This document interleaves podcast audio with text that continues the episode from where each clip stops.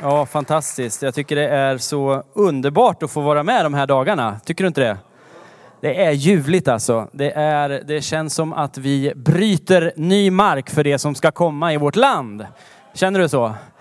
Du vet, det är inte så lätt att förklara vad ett apostoliskt, profetiskt skeende är. En, en del saker, det kan blott erfaras. Liksom. Som man sjunger i den där gamla sången. Alltså, det kan inte förklaras, men det kan erfaras. Och jag tror att vi står i någonting sånt, där vi faktiskt får vara med och bryta mark för ett säsongsskifte som ni lever med här i församlingen vet jag ju. Alltså, och jag lever också starkt med det just det att jag tror att svensk kristenhet går från, och hela landet går från ett defensivt läge där vi är tillbakaträngda och pressade långt bak till att vi ska gå in i ett offensivt skeende. Jag tror att eh, det är dags att inse att det finns ett löftesland att inta. Det finns någonting som vi ska gå in i. Och vi behöver inte liksom leva i, i förkastelse och under något tryck. Vi måste komma ihåg att för 2000 år sedan så hände någonting revolutionerande. Jesus uppstod från de döda och han sitter på Faderns högra sida. Och vi har position i Kristus. Och det är utifrån den positionen som vi verkar. Så därför behöver vi inte Ah, låt oss bara ge upp den här försagdheten och låt oss tänka offensivt. Vi ska ta det här landet. Är ni med på det? Då gör vi det.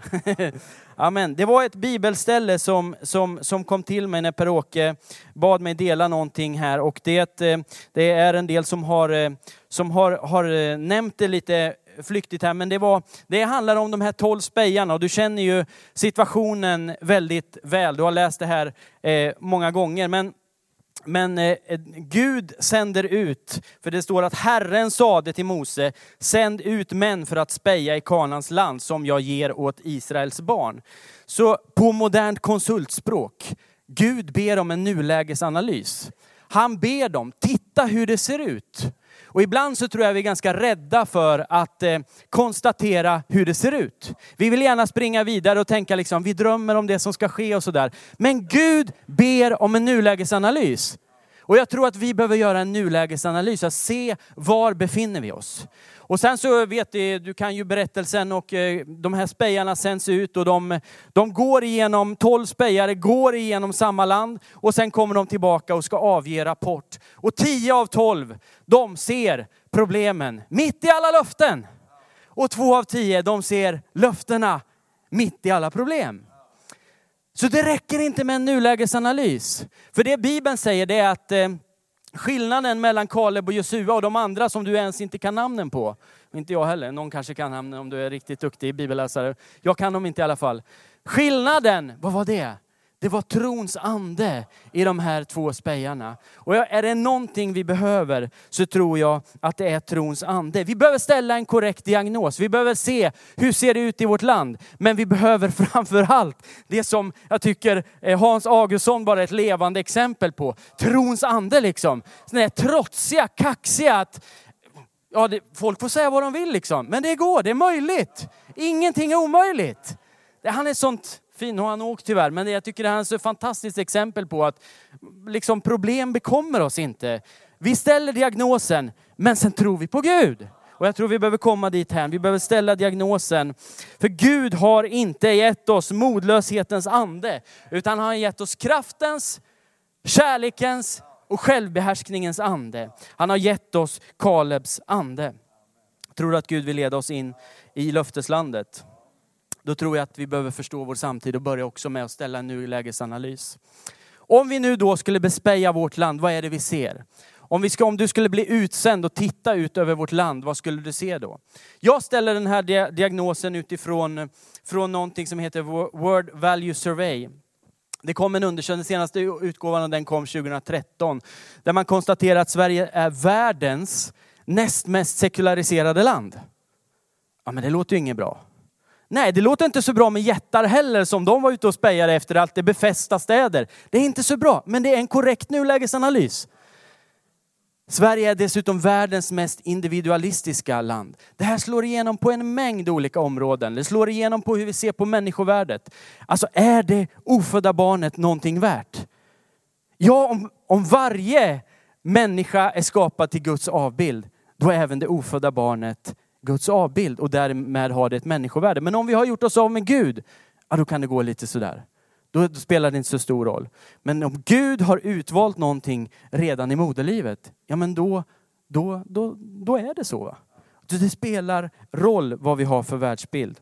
Eh, Daniel var inne på det här eh, i, eh, var det igår kväll när han talade om eh, eh, var det igår kväll? Det var förmiddagen kanske, när han talade om det här med legion. Eh, alltså jag tyckte det var en så väldigt bra bild på, på vår tid. Alltså, vi har, finns det någonting som kännetecknar vår tid så är det ordet oberoende eller autonomi. Autonomi, det betyder auto själv, nomi, lag. Alltså vi är vår egen lag. Vi är våra egna gudar. Vi bestämmer själva. Ingen ska komma till mig och säga vad jag ska tro. Och det slår igenom på område efter område efter område. Människor brottar, unga människor inte minst, brottar med sin identitet. Man vet inte vem man själv är.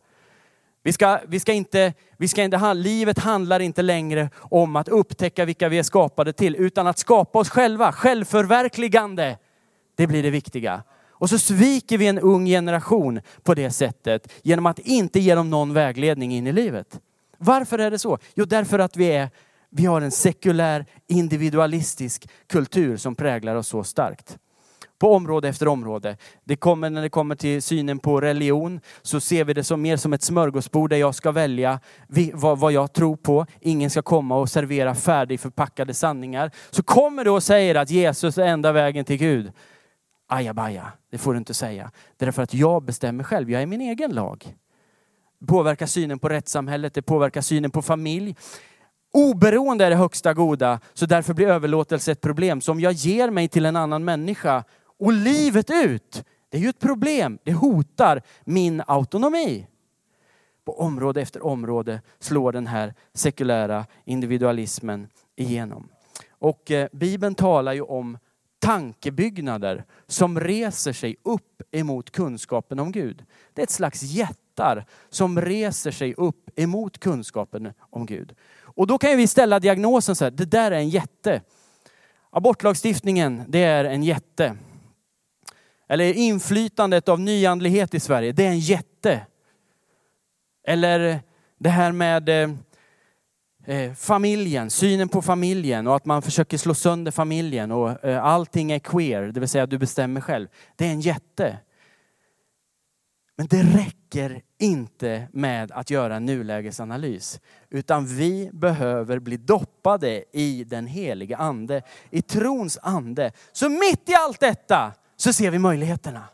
Så ser vi löftena, så ser vi att Gud vill någonting bättre. Och är det någonting som brinner på mitt hjärta så är det just detta. Gode Gud, låt oss se dina löften mitt i det här landet. Låt oss se dina löften mitt i de här problemen. Det är hur enkelt som helst att konstatera att det är problem, eller hur? Det behöver vi knappt, men vi behöver ställa en korrekt diagnos. Men sen så behöver vi se löftena. Vi behöver se vad Gud vill mitt i vår tid. Och jag tror inte det största, även om det är ett stort problem att vår kultur, vår samtid är så präglad av sekularisering och individualism, så tror jag inte det är det största problemet. Det största problemet är om vi som Guds församling tillåter det influera oss. Jesus säger i sin bergspredikan att ni är salt och ni är ljus. Saltet är till för att stoppa förruttnelsen. Men om saltet mister sin sälta, då duger det bara till att kastas ut och det trampas ner av hedningarna. Vad handlar det om att saltet mister sin sälta? Jo, det handlar om att vi sekulariseras. Att vi sänker ribban, att vi liberaliseras. Så vill du bli populär i den här världens ögon så ska du inte mista din sälta. Du ska hålla dig salt. Ja men det är ju det det står. För om du mister din sälta, förr eller senare så kommer det leda till världens förakt. Du kommer inte bli populär. Det är många som söker den vägen och tror att jag blir populär bara jag, bara jag försöker att, att sänka anspråken och inte vara så provocerande. Men det kommer aldrig leda till någon, någon, någon liksom popularitet. Nu är vi inte ute efter popularitet, men det är inte en väg för att nå det i alla fall. Det andra han säger är att ni är ljus, ni är världens ljus. Där nämner han också en fara. Vad är det för fara? Jo, det är att ljuset sätts under skeppan. Vad är det för någonting? Jo, det är en typ av isolering eller individualism. Alltså vi drar oss tillbaka, vi drar oss bort från det offentliga rummet. Vi drar oss bort från andra människor, håller oss på vår egen kant. Så, så den sekulära individualismen måste mötas med att Guds församling är ljus och den är salt. Att vi håller oss salta och att vi rör oss ut i världen och lyser upp den här världen för honom. Jag, jag har som eh, eh, alla andra eh, tre, tre böneämnen.